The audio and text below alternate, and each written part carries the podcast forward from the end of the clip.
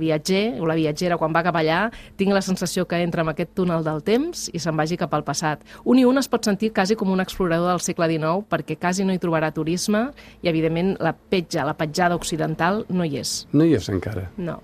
Molt poc, molt poc. I amb prou feines parlen ni l'anglès. És una gent molt amable, molt curiosa, que fins i tot el sobta veure'ns, no? que passem per allà, ja ràpidament et pregunten què feu aquí, benvinguts sigueu, què sabeu del nostre país.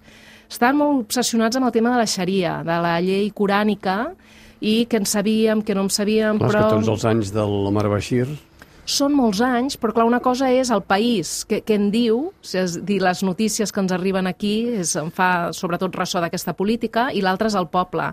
Jo he vist molt més radicalisme a Egipte, en canvi m'hi se'n ven el país com un país molt obert, sobretot a Occident, i en canvi te'n vas a Sudan, que tens la imatge d'un país tan tancat, amb aquesta mm, Tens la imatge perquè en el seu moment, per exemple, el Bin Laden s'hi va allotjar. Correcte, això va també. Va ser un dels països que li va donar aixopluc, no?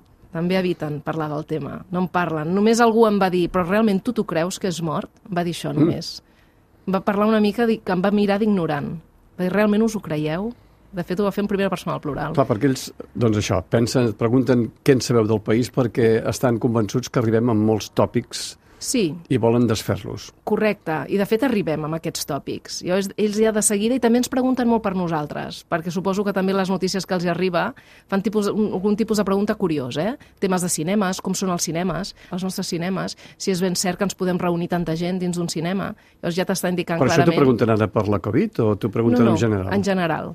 Sí, sí, perquè, perquè hi he anat abans i després de la Covid i puc veure perfectament doncs, aquest tipus de pregunta tan curiós. M'han preguntat també si ens podíem manifestar tranquil·lament pels carrers, vaig dir que sí, malgrat que quan, què vol dir tranquil per un mm. i per un altre, jo vaig dir, a vegades no és massa tranquil, i em van dir, però quanta gent mor, quanta gent us maten?